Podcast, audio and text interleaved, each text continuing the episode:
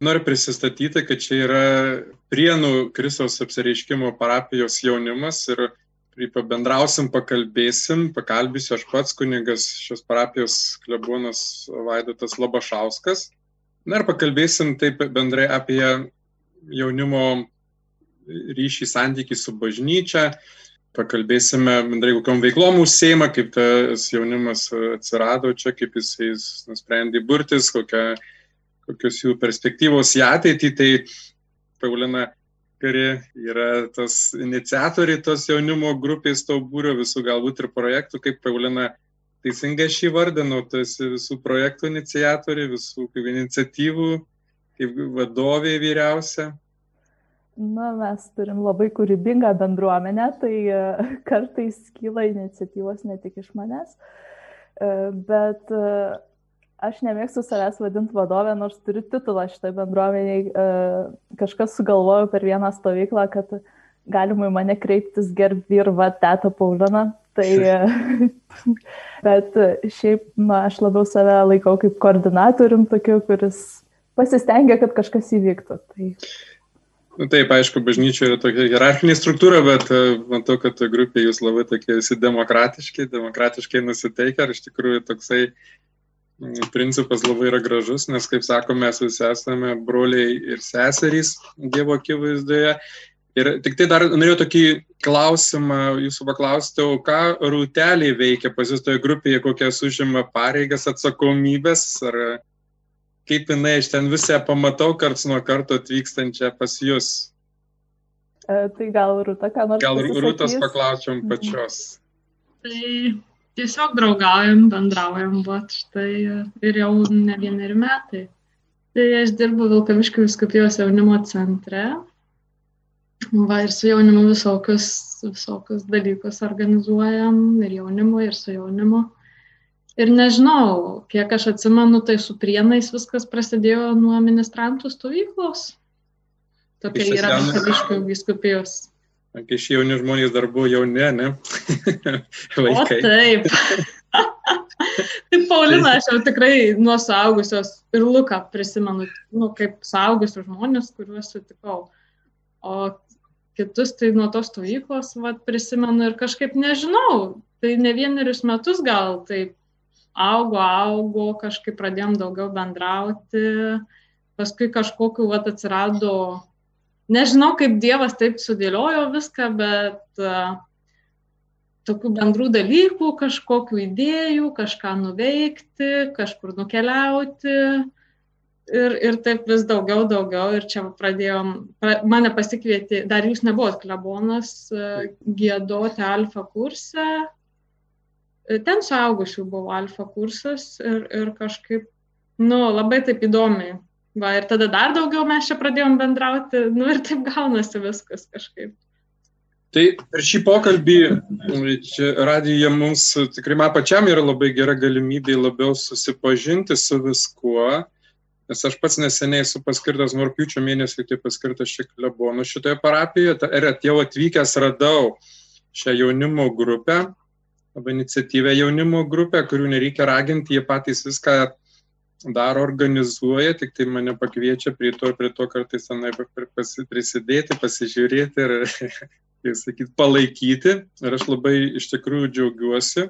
Ir mes su Paulina bendraudami, aišku, turime tokių idėjų, kad ta grupė, jaunimo grupė truputį auktų ir plėstųsi. Ir kartais turim tokių iniciatyvų, kaip tą dalyką daryti. Gal tu, Paulina, pati galėtum pasakyti, kaip būtų galima iš tikrųjų tą mūsų grupę, jaunimo grupę padidinti arba sudominti žmonės, patraukti, kad jie taip pat susidomėtų, sakykime, jūsų tą veiklą ir jūsų buvimu bažnyčioje, tai ką jūs darote. Tai aš galiu gal trumpai papasakoti apskritai, kaip mes atsiradom. Gerai. Tai iš tikrųjų čia per šitą karantiną, per vieną iš nuotolinių susitikimų nusprendėm, kad mes jau esam bendruomenė nuo smėlio dėžės. Aišku, tikrai ne visi, ir, bet radom labai daug bendrų nuotraukų vieni su kitais. Tai, tai, va, tai dalis mūsų ten mažas pradinis brandolys ir buvo tie, kurie jau pažįstami tikrai labai senai. E, bet tos bendruomenės gal norėjosi, bet mes neturėjom nieko. Nu, nebuvo tiesiog ir atrodė, kad nėra kažkokios iniciatyvos, kažko trūksta ir dar patys per maži, kad patys simtumėmės. Ir tada 2016 metais, kai buvo pasaulio jaunimo dienos Krokuvoje, prieš tai kažkaip tyliai pasvajom, kad būtų smagu išvažiuoti. Ir man kilo tokia, atrodė tuo metu topinė mintis, kad būtų smagu su prienu jaunimu išvažiuoti, nors ten tikrai atrodė neįmanoma misija. Bet turbūt likus pusmečiai, kokiam dar iki tų jaunimo dienų, kažkas tyliai ar garsiai, nežinau, pasakė to metiniam mūsų parapijos klebonui Jonui Baliūnui, gal čia toks įmanomas dalykas ir jis kažkaip labai palaikė, tai mes tada ten ėmėmės visokių akcijų ir susibūrėm komandą visai stiprią. Tai tuo metu bus, buvo 18 žmonių, kurie ir išvažiavom tas jaunimo dienas. Ten labai susidraugavom, nors kai kurie buvom visiškai nepažįstami prieš pradedant ruoštis. Ir tada, kai grįžom, kažkaip norėjusi, kad nesibaigtų viskas ties šita vieta. Tai mes ten iš pradžių susitikdavom kartais, eidavom kokį nors žygį, pavyzdžiui. Paskui darėm kas savaitinius susitikimus, kurie vyko visus metus. Po to vasarą išbandėm jėgas darydami savo stovyklą, tai ten tik mūsų susiorganizuota buvo stovykla. Tai, o po tos stovyklos buvo toks laikas, kad nelabai kažkas laiko turėjo. Tai mes susitikdavom sekmadieniais ir valgydavom dešrą. Tėvams sakėm, kad geriam arbatą sekmadieniai susitikę po mišių, mhm. bet e. Kodėl būtent dešrą? Čia irgi turbūt linksma istorija, nes e, viena... Skaniausia dešra viena nu, ne viena, dvi merginos iš mūsų bendruomenės yra iš šeimos, kurioje nėra mėsos, tai ateidavo pavalgyti kartu sekmadienį. Duoda tėvai mėsos, ne? Taip, tai mes gelbėjom jas. Nu, tai toksai linksmas gal tas įvykis ir seka, bet iš tikrųjų su tuo dešros valgymo būreliu mes augom dviejus metus, beveik dviejus metus. Tai jau po tų dviejų metų mes kažkaip pradėjau mąstyti, kad jau turėtume turbūt būti bendruomenė ir kad galėtume čia kažkaip pasivadinti. Tada prasidėjo karantinas, tai tas pirmas pavasarinis karantinas buvo pavadinimo ir logotipo išmąstymo laikas. Ten mm. aš piešiausi visokius eskizus, mes turėjome grupę susikūrę, kur, kuri vadinosi kitokie tai prie to bandėm pritraukti, bet nu, galiausiai gausi, kad pasivadinom kur 2 ar 3, nes gražiausiai logotipė atrodė kažkodėl mums taip. Tai, va, o po to galiausiai gausi mums toks logotipas, bet gal čia irgi įdomu, kad tas logotipas dabar jau yra, mes jį naudojam ten kažkur ar Facebook'e, ar savo grupėse, bet iš tikrųjų jis pirmiausiai atsirado ant marškinėlių, net kaip trafaretas, tas pirminis, tai uh, Tai va, mūsų svajonė, tokia tam tikra svajonė buvo, kad turėt tam kažkokią arba uniformą, arba vienodą aprangą. Tai va, tai gausi, kad mes nusipiešėm per vasarą marškinėlius, ant nugaros užsirašėm e, citatą, pagal kurią yra šitas pavadinimas mūsų parinktas. Tai yra iš Mato Evangelijos. Ir dabar jau kaip ir jaučiamės tikrai bendruomenė. Tikrai labai stiprina šitas laikas, Ir mes tikrai paaugom per vasarą, prisijungė nemažai narių, kažkaip pasikvietėm vieni per kitus, taip e, gal tyliai, gal kažkaip, bet, e, bet prisijungė nu, nemaža dalis, pusė dabar bendruomenės yra prisijungus, bet šitą pastaruosius mėnesius per pusmetį paskutinį, tai mes labai jais džiaugiamės Ir tikrai kviečiam visus kitus irgi jungtis, kas nori. Ir dar kas įdomu, kad mes visai esam ne vieną kartą bendradarbiavę, pavyzdžiui, su Kulautuvos jaunimu arba nu, vat, ir su jaunimo centru.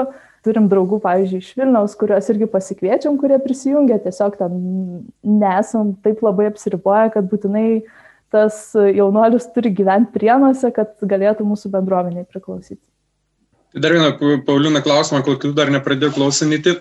Ir dabar, kai kada yra karantinas, iš tikrųjų yra labai tikrai suvaržytos visos tokios galimybės mums visiems. Aš tikrai matau, kad jūs turite irgi tokių labai gražių iniciatyvų ir, ir, ir tikrai ne, ne, ne, ne bendraujate toliau ir, ir kviečiate žmonės ir kitokius dalykus darote. Tai gal dar trumpai papasakokit, kaip karantino metu jūs palaikote bendrystę ryšį ir kokius dalykus dar darote dabar šiuo metu, kai negalima iš tikrųjų burtis ir taip fiziškai rinktis? Tai karantinas atnešė labai daug gerų naujovių tokių.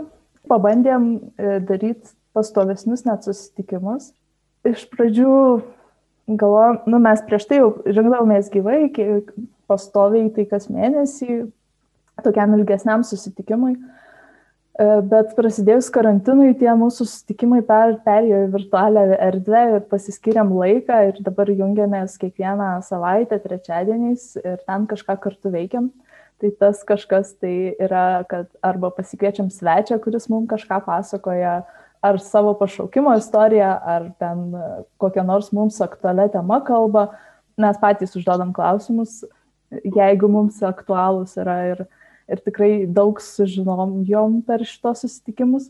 Bet čia dar įdomus dalykas iš tų mūsų susitikimų, kad turbūt tie įsimintiniausi ir mums patys labiausiai patinkantys susitikimai, tai yra, kur mes, pavyzdžiui, jau atsijungus svečiai dar pasiliekam ir tiesiog kalbamės, kaip mes išgyvenam tą laiką. Ar turim kartais ir tiesiog tokius susitikimus, kur šiaip kalbamės, tai labai leidžia mums daug vieniem apie kitus sužinoti. Ir e, tikrai iniciatyvos kyla per tos susitikimus, mes dabar čia kuriam idėjas ir visi. Ir turbūt lengviau gal bent su, sukviesti visus, ne, nereikia niekur eiti, tai atsiranda tokia kaip ir gal noras didesnis pabūti ir pabendrauti. Tai čia kaip kam. Iš tikrųjų, mes bandėm aiškintis, kuriem labiau patinka gyvi susitikimai, kuriem nuotoliniai. Beveik visi pasisakė, kad labai pasilgo ir jie jam tikrai dalyvautų visuose gyvuose susitikimuose, o į nuotolinį tai ten sudėtinga prisijungti kartais būna arba dar kažkaip tai. Bet dalis tikrai pradėjo dalyvauti bendruomenės veikloje tik tai prasidėjus nuotoliniam susitikimam nu, ir dėl atstumų, dėl laiko, dėl kelionės pačios arba dėl mūsų susitikimo pačio pasirinkimo laiko trukmės, tai daliai tikrai šitas palengvino dalyvavimą. Ir dar jūs minėjot, kad jūs jungiatės kalbėti liturginės valandas kažkokiu metu ir su bendruomenė.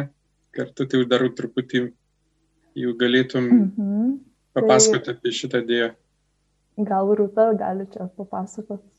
Tai iš tiesų aš gal pabrėžčiau, kad bendruomenės kur du ar trys tas veiklos pagrindas yra malda, nes visada kaip ir susitikdavom gyvai, tai šventos mišios, tada adoracija, kuri būdavo sutarta gal 15 minučių, užsitęsdavo žymiai ilgiau. Nu, tiesiog e, gera šlovinti viešpatį ir įvedus karantiną, tai šventoji dvasia Paulinai pašnipždėjo mintį apie valandų liturgiją ir konkrečiai apie rytmetinės, na, kad prasminga pradėti rytą maldą Ir štai kiekvieną darbo dieną pusę aštuonių ryto renkasi dienai besiruošiantys bendruomenės nariai ir tėveliai kartais prisijungia, draugai.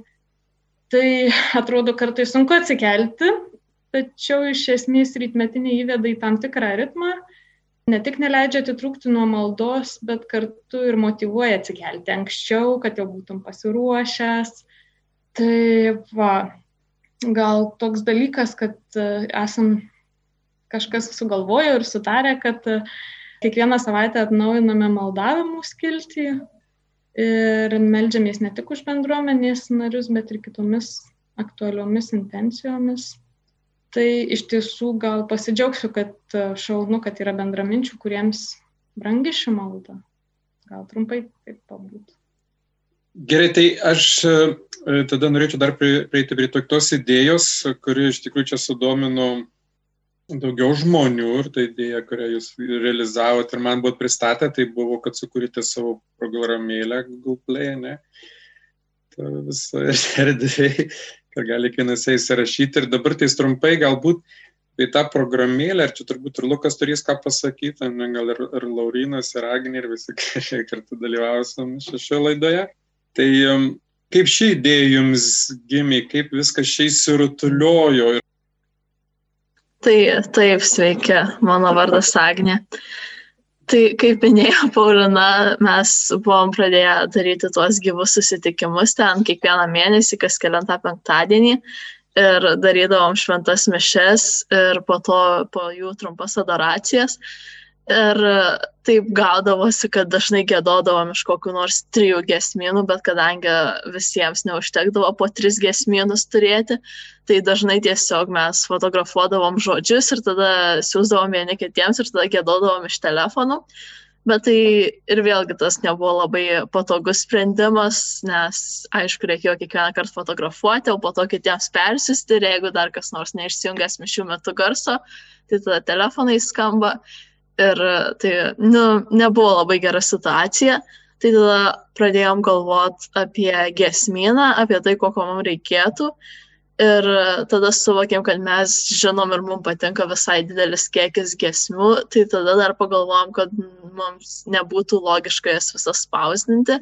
Ir kadangi jau ir taip gėdam iš telefonų, tai gal reikėtų surasti geresnį sprendimą, kaip gėdoti iš telefonų. Tai e, iš pradžių buvo idėja tiesiog pasidaryti PDF dokumentą, kur būtų visos giesmės, kad būtų galima jas rasti savo telefone. Bet. Bet istorija toliau e, buvo tokia, kad, nu, Paulina kartais prisigalvoja dalykų. Tai e, vieną dieną taip einant iš parduotuvės, galvoju, reikia, nu gal reikia vis tik paskambinti Lukui Ir aš ten jam paskambinau ir taip tyliai per aplinkui truputį uždaviau klausimą, sakau, žiūrėk, yra tokia mintis, kad mes čia darom elektroninę versiją, gal būtų įmanoma padaryti programėlę, kad būtų paprasčiau dalintis, visi atsisinčia, turi, ten užtenka numerį pasakyti. Nu ir tada Lukas pasakė, kad teoriškai tai įmanoma. Tai Tada Lukai papasakok, kas buvo toliau. Galiu pratesti, jo, aš Lukas. Tai gavosi taip, kad paklausė, užklausė Paulina, ar čia įmanoma kažkaip padaryti. Tai teoriškai, aišku, viskas visą laiką yra įmanoma padaryti, bet kartais nežinai, ar užtenka tau gebėjimų, ar turėsi, ar sugebėsi. Tai paskui taip gavosi, kad čia kažkuria naktį labai nesimiegojo, nu, ten buvo, buvo kelios valandos jau varčiausi, nesimiegojo. Ir sakau, davai keliuose nusėdu prie kompo ir žiūrėsim, ar įmanoma padaryti ar ne.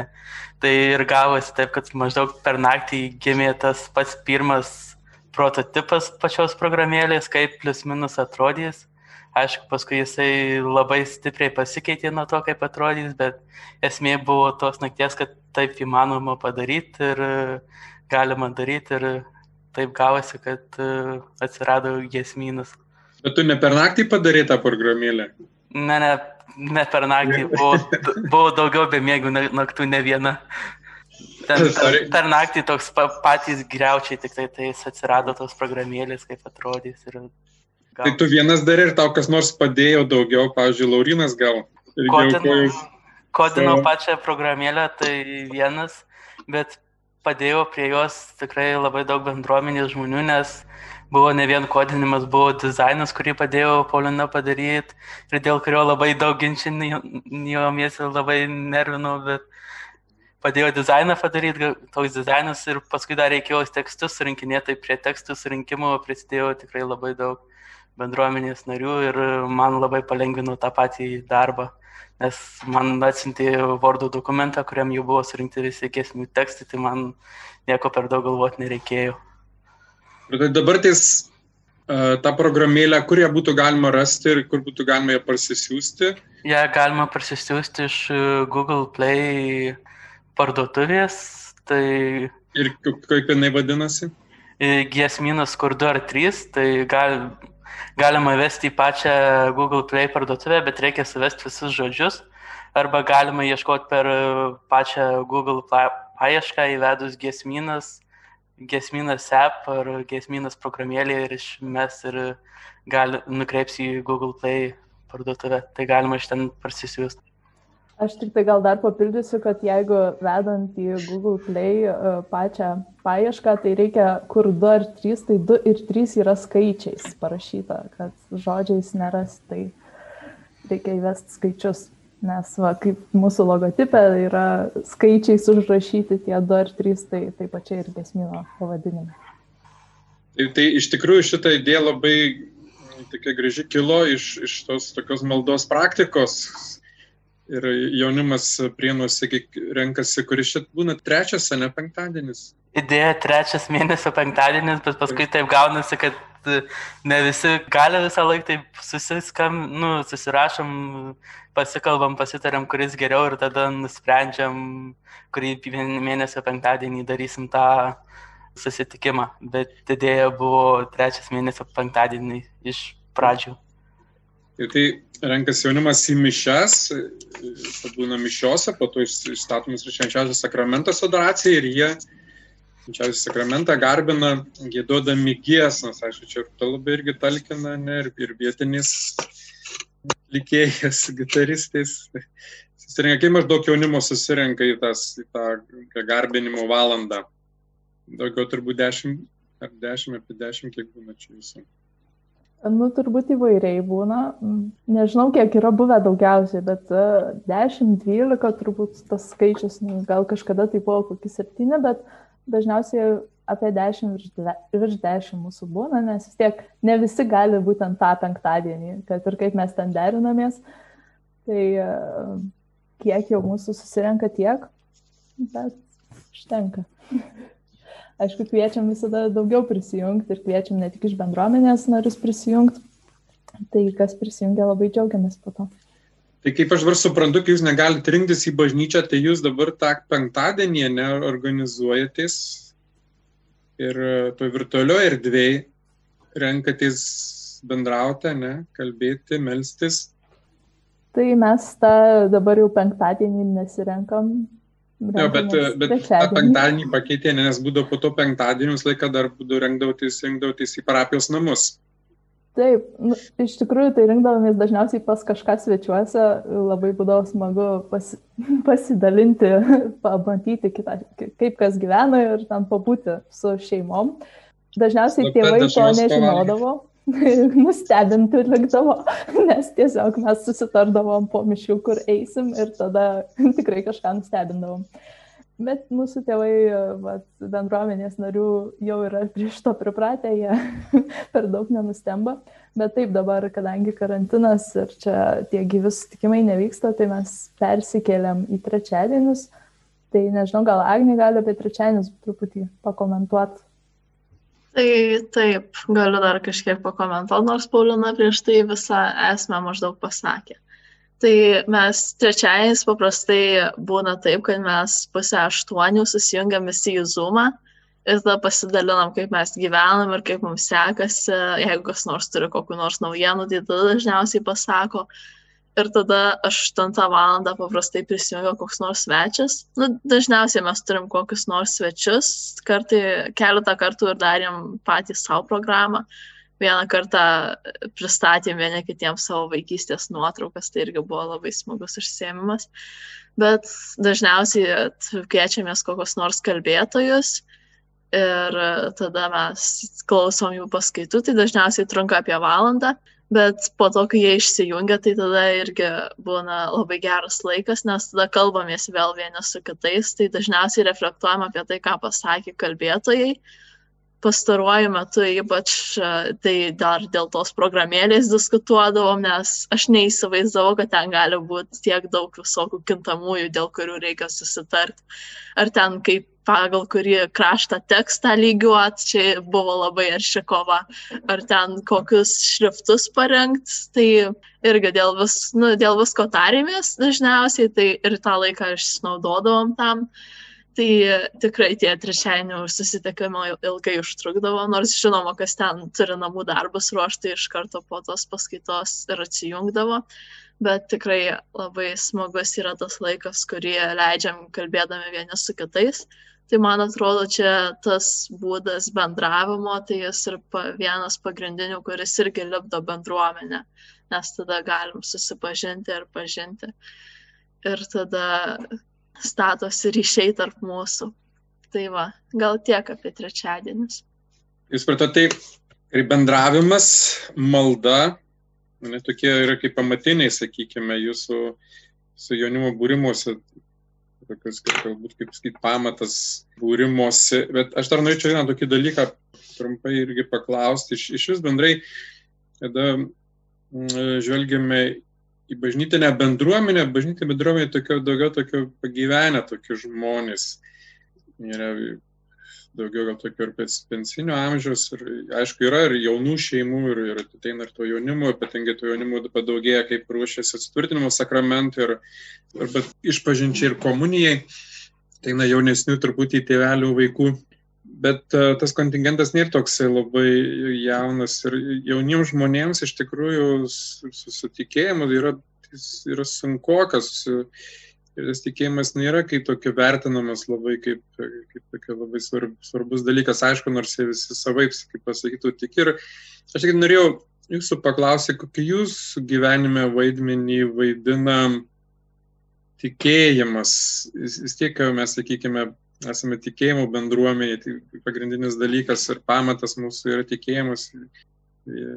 Matom, po tokiam pamatiniais tokiais dalykais, kaip tikėjimas į Dievą, tikėjimas į atpirkimą, tikėjimas į išganimą, tikėjimas Dievo meilę, kurią jisai mums visiems parodė, preiškė prie Jėzų Kristų ir aš kažkaip nenoriu čia sužinoti katekizmą užpasakoti ir ne, nenoriu tikėjimo išpažinimams atkartoti, bet vis tiek um, kokia jūsų, vaid, kokia jūsų gyvenime, jeigu aš ne per sunkus klausimas, nes dažnai žmonės sustringa, kai paklausiu vyresnių, kaip vaidmenį tikėjimas vaidina, tai jeigu mes visi galėtume, ir kurie dar nekalbėjote tuo pačiu klausimu, truputį pakalbėti, ką jums, kokią reikšmę turi tikėjimas jūsų gyvenime. Tai turbūt be tikėjimo mūsų bendruomenės bent jau tai tikrai nebūtų. Pradėkime nuo to. Uh, Man asmeniškai tikėjimas, jeigu, tai tikrai didelė atrama, kuri nuolat yra, šalia yra pagrindas, pamatas visako. Ir net ten, jeigu būna sudėtinga situacija kažkokia, ar, nu, vat, atrodo, kad viskas įslysta iš rankų ir ten nežinai, ką daryti, tai supranti, kad ne tai yra apskritai gyvenimo esmė. Gali visada atsigręžti, atsiremti į, į tikėjimą, į Jėzų, į santykį su Dievu ir tas e, visame kame gelbsti. Tai e, mes čia kartu melžiamės, tai iš tikrųjų bendruomenė labai sustiprina ir tikėjime.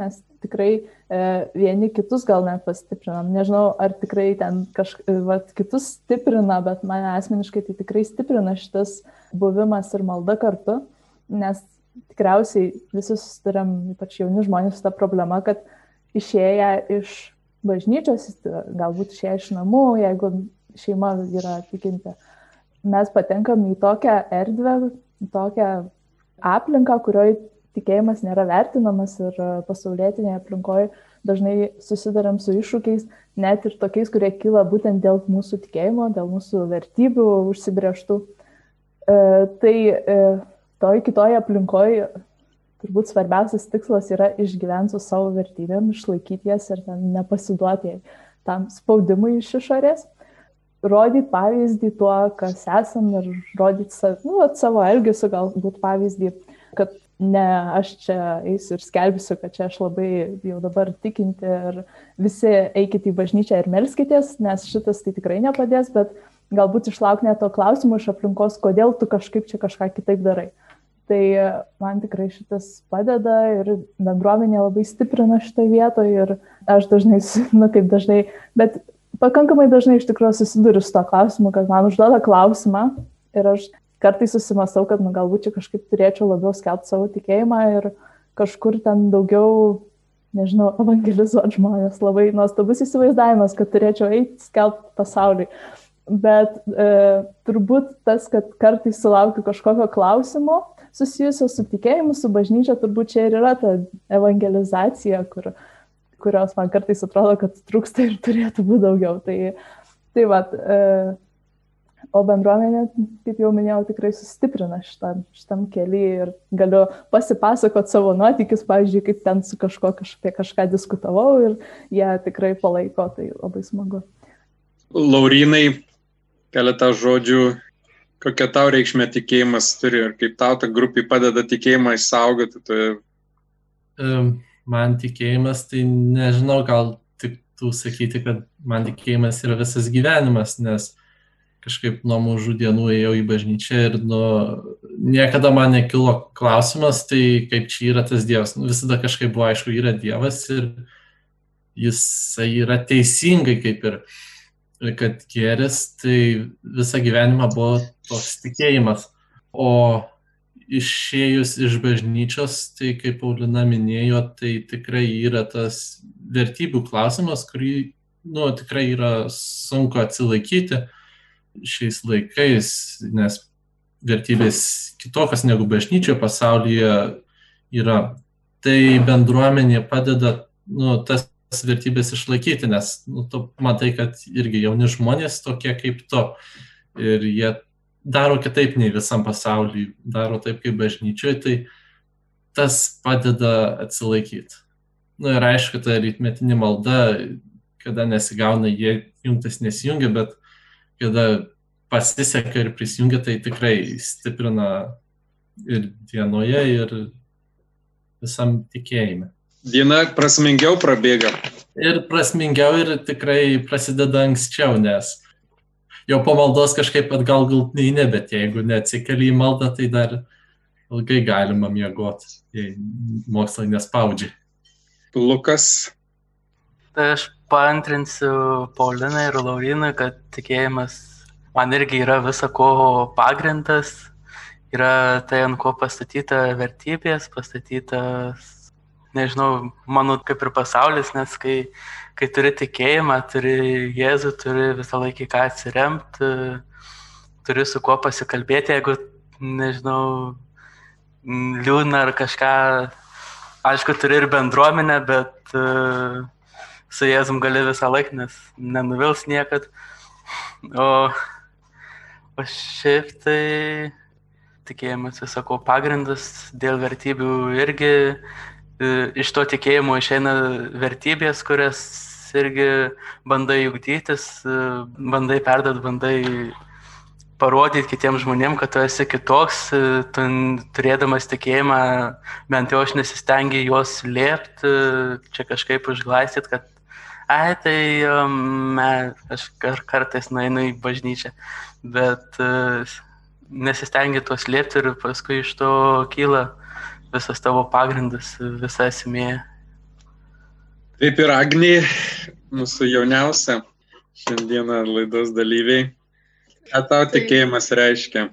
Man tai kažkaip labai didelę prasme gyvenimui suteikia. Nežinau, kodėl čia gal man tokio šiuo metu yra labai susimastymai apie prasme, bet tiesiog labai daug atsakymų tikėjimas duoda ir kaip ir visi sakė, labai didelį pagrindą suteikia. Uh, nes kai žinai, kad tiki ir ypač mūsų bažnyčia, tai yra daug dalykų iš karto labai aišku. Ir e, labai tada prasmingas visas buvimas būna ir tada tarsi tavo gyvenimas turi iš tikrųjų kokį nors tikslą. Ir tas tikėjimas ir buvimas bažnyčioje irgi yra labai didelė atrama, nes žinai, kad yra žmonių, kurie tau pritarė, yra tavo bendraminčiai. Uh, ir tiesiog labai daug ir džiugesio, ir prasmės atneša mano gyvenimui. Ir rūta. Dėl žodžio pagrindas, nes tikrai, tikrai toks pagrindų pagrindas ir aš nežinau, per gyvenimą įdama labai troškau, nu, kažkokių žmonių, irgi tikinčių, tikinčių daug yra. Nu, ta prasme, bent jau bažnyčioje, tai tikrai sekmadieniais ir bendramžių gali sutikti, jaunesnių, vyresnių įvairių žmonių, bet aš ieškojau žmonių, kuriem būtų svarbi malda. Ir nepaisant to, kad dirbu jaunimo centre, tai dar nereiškia, kad žmonės, kai yra, na, nežinau, pasiūlymai melstis arba kur nors į mišesnai, tai dar nereiškia, kad jie sako, taip, davai, einam, darom kažką, žinai, melžiamės. Ir dėl to truputėlį liūdna būdavo, nes nu, toks vaizdas, kad tu visą laiką sakai, va štai pasiūlymas, gal pasimeldžiam, arba čia intencija kokia, ir ne visada sulaukia to pritarimo, tai šito bendruomeniai kažkaip labai apsidžiaugiau, čia vienas iki sako, nu tai va trečias mėnesio penktadienis rūta, čia šventos mišios, tai gal atvažiuosi, žodžiu, čia kviečia. Ir tada jau, man atrodo, gal tą pačią dieną sužinau, kad, oi, čia dar kilo mintis ir adoraciją po mišių padaryti.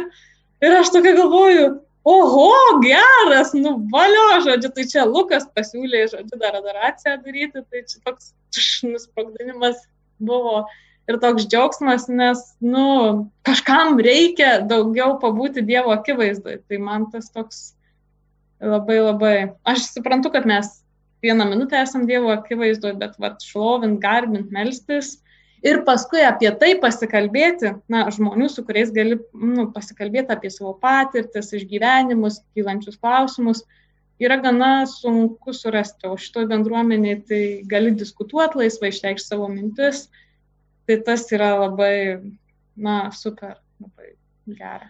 Taip, kalbėti apie tikėjimą, toks turbūt į tabu, gal ne tai, kad apie tikėjimą, aš, aš pastebėjau, kad, na, tarsi toksai yra kaip ir um, galbūt apie savo patirtį, nes e, vienas dalykas, kad kartai žmonėms labai sunku kažką pasakyti, kokia jų patirtis ir santykis su Dievu, nes jinai tokia būna, nu, kažkokia, nežinau, tokia užslėpta, ar, ar jie patys, ne, ar tikrai dar neišgyventa, netrasta, aš tikrai negaliu pasakyti, bet jiems sunku būna kartais pasakyti, ką Dievas reiškia tavo gyvenime, kas dėl tavęs padarė. Tas dalykas jie labai kažkaip bijo kalbėti, kad kad na, nepagalvotų kaip nors keistai apie juos ir tikrai rasti tokių žmonių, kad pakalbėti apie santykį, apie patirtį yra, nėra lengva aplinkoje. Ir aš nežinau, mūsų turbūt laikas eina į pabaigą, bet uh, man pačiam labai įdomu, kaip kunigui jūsų paklausė, sakykime, taip, mes laiką, aš galvoju, kad tikinti žmogus išgyvena tam tikrą gyvenimo pilnatvę. Nors iš tikrųjų atrodo žmonės laimingi, yra netikintys žmonės atrodo laimingi, jie, jie džiaugiasi, jie tenai, žinot, mėgaujasi gyvenimu, bet realiai giluminiuose tokiuose kloduose jų sielos, sakykime, tiek yra daug tokio pasimetimo, nerimų, baimių, tokių įtampų, nepasitikėjimų, sakykime, jis tiek yra ypatingai su amžiumi, paskui pradeda jau jaustis, kaip, nu, tu matai, kad tu neturi ką remtis praktiškai, jeigu nėra Dievo, visi tau tie, į ką tu kažkaip jaunystėje turėjai ten kažkaip į ateitį, į kažkokias perspektyvas, į kažkokius ten, net ir, sakykime, kad ir šeimą, kažkokius kitokius ten tikslus, kuriuos savo pats įsikėlė, jie pradeda pubiski birėti, pradeda tavęs jau neguos. Iš tikrųjų, vien ir tik ir ta tokia trama būtent ir išlieka tikėjimas, tikėjimas Dievo Dievas. Tai, pavyzdžiui, kaip jūs aplinkoje būdami, sakykime, netikinčio aplinkoje, jūs, jūs vis tiek nori, nenori, mes pastebime žmonės, kaip jums atrodo tie žmonės, kurie netikintys yra, ar jie atrodo visai gerai jaučiasi, viskas tvarko, vis, ar, ar kažkaip ta aplinka tokia, kartais tokia būna kitokia, truputį nėra, taip viskas atrodo gražu ir tvarkto, taip ir kaip, kaip yra kartais pristatoma, nes aš, pavyzdžiui, kartais irgi būna susiduriu su netikinčiu aplinka, tai tiesiog net jauti, kai to įtampu tyru toks tai kažkoks tokia, nu, tam tikra kaip pasakyti, tokia neviltis, ypatingai kaip jūs kažkokiam progom rimtom susitinki ten, pavyzdžiui, su žmonėmis kažkokios, sprendžiat rimtas problemas arba kažkokios laidotuvės mirties atvejais. Tai, o kaip jūsų aplinkoje tie žmonės, kurie, sakykime, jūs matot netikinčius, jie kaip jie jaučiasi, gerai jaučiasi, ne, kaip jums atrodo, jiems tas tikėjimas ten reikalingas būtų, nereikalingas. Nu, čia nelabai gali įlysti kitą žmogų ir sužinoti, kaip, kaip jisai jaučiasi nereikia jį lysti, bet tu matai, iš tikrųjų, pavyzdžiui, aš pasakysiu vieną dalyką, nuolatinis, pavyzdžiui, valdžios keiksnomas, nuolatinis aplinkybių keiksnomas, nuolatiniai kažkokie konfliktai, nuolatiniai nesisprendžiantys ten tarpusio asmeniai, ten nuolatiniai santykiai. Nu, žmogus išreikia tą nepasitenkinimą gyvenimu, jeigu jisai neturi to kažkokios tvirtos atramos. Mūsų aplinkoje tokių dalykų nebūna matyti ten, sakykime, tų netikinčių žmonių gyvenimus. Aš gal iš savo patirties galiu pasakyti, kol čia visi masto. Tai man kartais atrodo, žvelgiant, kad e, netikintys žmonės, ne tai, kad jie ten kažkokie yra, nu, kažkokie kitokie, tai turbūt jie nėra kitokie, bet kartais jie atrodo, pavyzdžiui, labai pavargę. Ir e, net nežino, kodėl pavargę. Arba atrodo, kad jie, nu, va, kažko trūksta, kažkokio džiaugsmo, ne, ne džiaugsmo, net, nu, vat, kažko, kažkas yra negerai, bet kartais iš šono gali pamatyti, kas yra negerai. Nu, vat, jeigu žmogus pradeda tenai kelt kažkokį klausimą, tai girdisi iš to jo ten klausimo nusiskundimo, skundimosi, kad vat, jam kažko tai trūksta, kad ir to pačio polisio trūksta, ne, ar kažkokio tai pasitikėjimo daugiau trūksta, ar ten ypač jeigu sunki situacija, tai būna, kad tikrai žmogus atrodo toks pavargęs ir ten praradęs gyvenimo prasme. o tikėjimas tikrai tą suteikia, tai jeigu tau sunki situacija ir tu tikrai negali nieko daryti, nu, tai sakai tada, kad, nu, tai Dieve, jau čia viskas tavo rankose, aš jau daugiau negaliu. Tai matosi, kad žmonėm trūksta ir dar jaučiasi kartais nusivylimas, kai pagrindas gyvenimo yra Dievas, tai sunku nusivilti Dievu. Nu, turbūt, jeigu yra tikėjimas, bet įmanoma tikriausiai, bet uh, jei yra tikras santykis su Dievu, turbūt sunku nusivilti.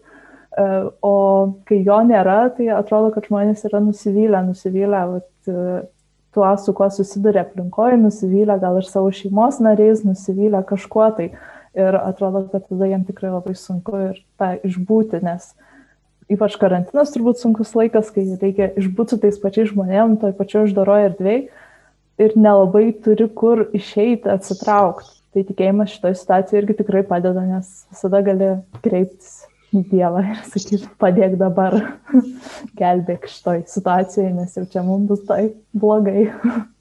Kaip e, Laurinai studentyje tenai tai, laikosi tikėjimo atžvilgiu? Tai šiaip seniai mačiau žmonių, nes karantinas ir visas mokslas nusikėlęs į nuotolį, bet nu ir paprastai nesimato per nuotolį, ne, neįsijungia kamerų, bet šiaip toks, kokį atsimenu prieš metus maždaug, kokį įspūdį, nu kaip ir esu susidaręs, kad netikintys, tai kaip Paulina sakė, nu jie lygiai tokie patys žmonės, tik tais gal netiksliai pasakysiu, bet neturi kuo iš tiesų džiaugtis, nes, nu, o ko džiaugtis? Ir jie tada tiesiog būna pasimiršę, gal, gal malonumuose, gal šiaip kame ir paprastai būna užsimiršę, kad nu, tiesiog gyvenimu reikia džiaugtis. O kai tikinu, tai Dievas yra meilė ir tuo pačiu džiaugsmas ir nu, visą laiką tiesiog gali džiaugtis dėl nieko, nes tiesiog džiaugiesi, kad gyveni. Tai vad, manyčiau, toks skirtumas gan ryškus matosi tarp tikinčių ir netikinčių, kai yra tikrai gyvas tikėjimas. Nors ne, ne, ne visą laiką, kas bažnyčiai būna, nebūtinai visada turi tą gyvą, bet nu, dažniausiai jaučiasi toks gal ir neišreikštas, bet toks vidinis džiaugsmas, nu, tiesiog džiaugsmas gyvenimu. O Agniai mokykloje, kaip ten mokinukai Aš tai mokausi katalikiškoje gimnazijoje, tai be tų uh, visiškai netikinčioje aplinkoje dabar mažai laiko praleidžiu. Bet apskritai tai aš dažnai susimastau, kad jeigu nėra tikėjimo žmogaus gyvenime, tai tada kažko labai akivaizdžiai trūksta. Čia gal per filosofijos pamokas labiausiai šitas man pasidarė aišku, nes visi tie filosofai, kurie yra ne, ne iš krikščioniško kokio nors požiūrio, tai e, vertina gyvenimą kaip kokį nors absurdišką arba irgi tokį. Bet tas e, tikėjimo turėjimas tikrai kažką atneša tą ir pilnatvę, kaip jūs minėjot. Ir e, tada jau tikrai žinai, kodėl tu čia esi. Ir suteikia tarsi priežastį tobulėti, ir tobulinti save ir gydyti savo žaizdas ir stengtis e, savo įdas išrauti. Bet šiaip tai, kiek aš esu susidūrus, tai uh, žmonėse nu, nelengva pamatyti iš pirmo žvilgsnio, ar jie, ar jie tikintis ar ne, bet toks kažkoks požiūris vis tiek ilgainiui atsiskleidžia iš to, kaip jie žiūri į dalykus ir tas į kitus žmonės požiūris dažniausiai irgi daug, daug pasako. Nes tai nu, yra ne tik įtikėjimas, bet ir tos vertybės, kurias dėgia bažnyčia ir tikėjimas, kurios irgi labai atsispindi kitose žmonėse. Dar kažkaip norėtų ką pasakyti? Tai jeigu parsisintėte mūsų programėlę ir tada neradot joje savo mėgstamiausios gesmės, Tai vienas iš dalykų, kurį galite ir tada jau privalot padaryti, tai parašyti mūsų bendruomeniai elektroninį paštu, kur 2 ar 3 etagmail.com irgi 2 ar 3 yra skaičiai, o ne raidėm. Tai ir dar vienas labai svarbus dalykas, tai kad programėlė vis tiek bus atnaujinama ir dabar mes dar turime planuose keletą projektų, kaip mes ten patobulinsim viską. Ir jeigu norėsite apie tai sužinoti, tai mūsų bendruomenę galima surasti Instagrame irgi eta kur 2 ar 3, irgi skaičiais, o ne raidėm, kaip logotipą užrašyta. Tai ten galima mus pasiekti ir ten mes ir apie savo bendruomenę įkeliam ir jeigu bus kokie nors e, atnaujinimai programėlės, irgi tai bus, taip pat bus galima rasti tenais informaciją. Noriu pasidžiaugti iš tiesų dėl kūrybiškumo, nes bendruomeniai priklauso įvairiais talentais apdovanotų jaunuolių ir kiekvienas įdeda savišką tokį indėlį į bendruomenės gyvenimą. Ir dažnai yra tokie duodantis, nu netikimantis, nes dažnai mes pripratę tik imt, imt, imt, bet štai duot, kurt kažką daugiau.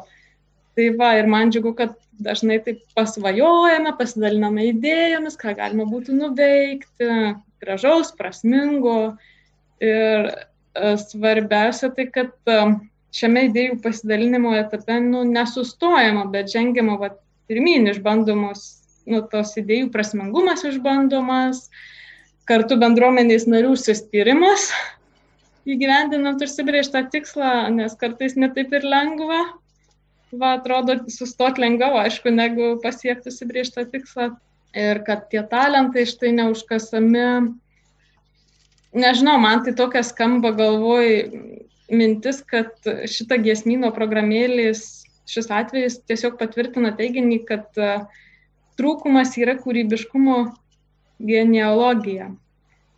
Ir dar vienu dalyku noriu pasidžiaugti, kad iš tiesų, na, šita giesmino versija atsiliepia į popiežiaus pranciškaus enciklikos Laudatos Sit raginimą rūpintis gimtają planetą, tausoti išteklius ir yra va, programėlės pavydalu. Mano kaip kunigo pastebėjimas toksai, kad um, labai dažnai tos tokios grupės, parapinės grupės, jos tokios tampa smagaus pasibuvimo vietelėm, tokios eina tokie draugai, draugeliai, tokie pažįstami, tam, pažiūrėjau, toks kaip klanas. Ten paskui prasideda visokios intrigos, intrigėlės, ten, nu, tą, tą, tą primsim, tą išmesim. Tokie, nu, natūralu, tai aš nesakau, tarp jaunų žmonių visko pasitaiko, bet aišku, ta vis ta tokia labai svarbu ta kryptis ir Paulinai vardinu labai, labai gerai ir man labai patiko, kad tokia vis tiek misinė kryptis ir evangelizavimas vis tiek išlieka toks prioritetinis dalykas. Bažnyčios misija yra evangelizuoti, arba bažnyčia sako, yra misijiniai. Taigi turi būti misijiniai, jinai negali būti, nes kaip tai pradeda skustis, kad nėra žmonių bažnyčiose, kodėl žmonės neina, tai kaip visos organizacijos linkia žlugti, jeigu netlieka savo misijos. Tai labai natūralu, jeigu bažnyčia nėra evangelizuojanti bažnyčia, jinai anksčiau ir vėliau jinai ir sunyksta, jinai kaip, kaip įrankis Dievos, jinai turi atlikti savo paskirtį žemėje, evangelizuoti, nešti tą žinią žmonėms. Pagrindinė ta žinia iš tikrųjų yra labai, labai paprasta. Tai yra, kad Dievas mus myli ir, mums, ir mes tą meilę visi tarpstamės, visą tą meilę džiaugiamės, ta meilė mums yra labai svarbi. Tai va, tai mano toks pastebėjimas ganytojiškas. tai iš tikrųjų labai įdomu, kad na, nu, pas mus bendruomenė yra, atrodo, žmonės atėjo iš skirtingų sričių. Nu, ateina kažkas tenai iš programavimo, kažkas iš dar kažkur. Ar, ir visi atsineša savo kažkokį talentą. Ir kai susideda tos bendros patirtys, Tai atrodo, kad tikriausiai turėtų įvykti kažkoks sprogimas, bet jis neįvyksta, nes kažko, kažkokiu būdu tikriausiai čia, aišku, malda ir uh, Dievo valia ir uh, šventosios dvasios veikimas, mes sugebam tos uh, mūsų visus gebėjimus kažkaip sujungti, apjungti. Aišku, ten diskusijų būna tikrai labai daug, uh, būna ir ten tokių, kur reikia kažkam jau patylėti, kažkam jau reikia kažkur išsijungti, nes jau neaišku, kuo ten baigsis ta diskusija, bet šiaip, aišku, visos diskusijos kol kas baigėsi tikrai labai gerai ir, kaip matom, baigėsi mūsų programėlė. Tai aš tikrai labai džiaugiuosi visais nariais, kurie įsijungia ir kažką naujo įneša ir tikrai įneša kažkokią ir idėją, talentą, nu, vad kažką. Tai čia dar grįžtant prie programėlės, Lukai, gal tu gali dar vieną komentarą pasakyti. Dėl programavimo mes tiesiog gaunam daug klausimų pastaruoju metu. Vienu klausimu daug klausimų, tai Lukai, pakomentuok. Jo, tai gaunam prašymų, ar bus tobuliam Apple išleista programėlė, tai turim šitą mintį, bet norint išleisti Apple reikalingą įrangą, prasitestavimui reikalingas ir pats kompiuteris Apple, kurio mes neturim ir visa bendruomenė ant Androidus naudojas.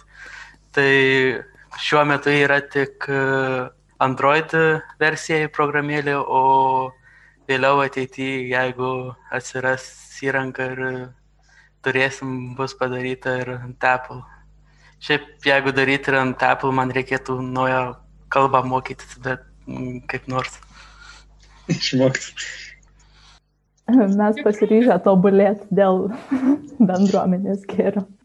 Pabaigai laidos noriu dar kartą pasakyti, kad šiandieną su jumis laidoje dalyvavo Prienų Kristaus apsiriškimo parapijos jaunimas. Mes bendravome ir kalbėjome apie visas veiklas, kuriomis jie užsieima šioje parapijoje, apie jų nuveiktus darbus, jų naudą to buvimo kartu, visą tarnystę parapijos bažnyčia ir šalia parapijos. Taip pat jaunimas užsiminė ir nori mums visiems priminti, kad jie sukūrė ir telefoninę programėlę Android sistemoje ir galima ją prasisiųsti tą programėlę, kuri vadinasi Kurdu ar 3 per Google Play paskyrą. Ir toje programėlėje galima rasti giesmes, kurias tiesiog naudoti ir mišių metu arba kit kitų metų, kada mes gėdame. Labai tikingas esu šiam jaunimui, aš pats esu parapijos kuningas Vaidotas Labašauskas, kalbinau jį, bendravau su juo, daug taip pat stengiuosi laiko su jausiais praleisti, kad visada įsiklausyt galėčiau jauną žmogų, atsiliepti jų poreikius kaip kunigas, kaip dvasinkas, kaip ganytojas. Ir nuoširdžiai visiems dėkoju, kurie klausėte šią laidą ar buvote kartu ir labai kviečiu visus melstis už mūsų parapijų jaunimą, už kunigus, silovadininkus, kurie dirba su jaunimu, nes jaunimas ir visi šie žmonės yra mūsų bažnyčios ateitis. Kuo daugiau jaunų žmonių mes laimėsime Kristui, kuo stipresnė mūsų bažnyčia bus, tuo daugiau mes iš tikrųjų sukursime galimybės kitiems žmonėms atrasti Kristų. Ir kitiems žmonėms um, patirti išgyventi tos teikiamas malonės. Būkite palaiminti ir geriausios jums kloties ir ačiū šiam nuostabiam jaunimui, kuris buvo šiuo metu šią laidą kartu su visais mumis.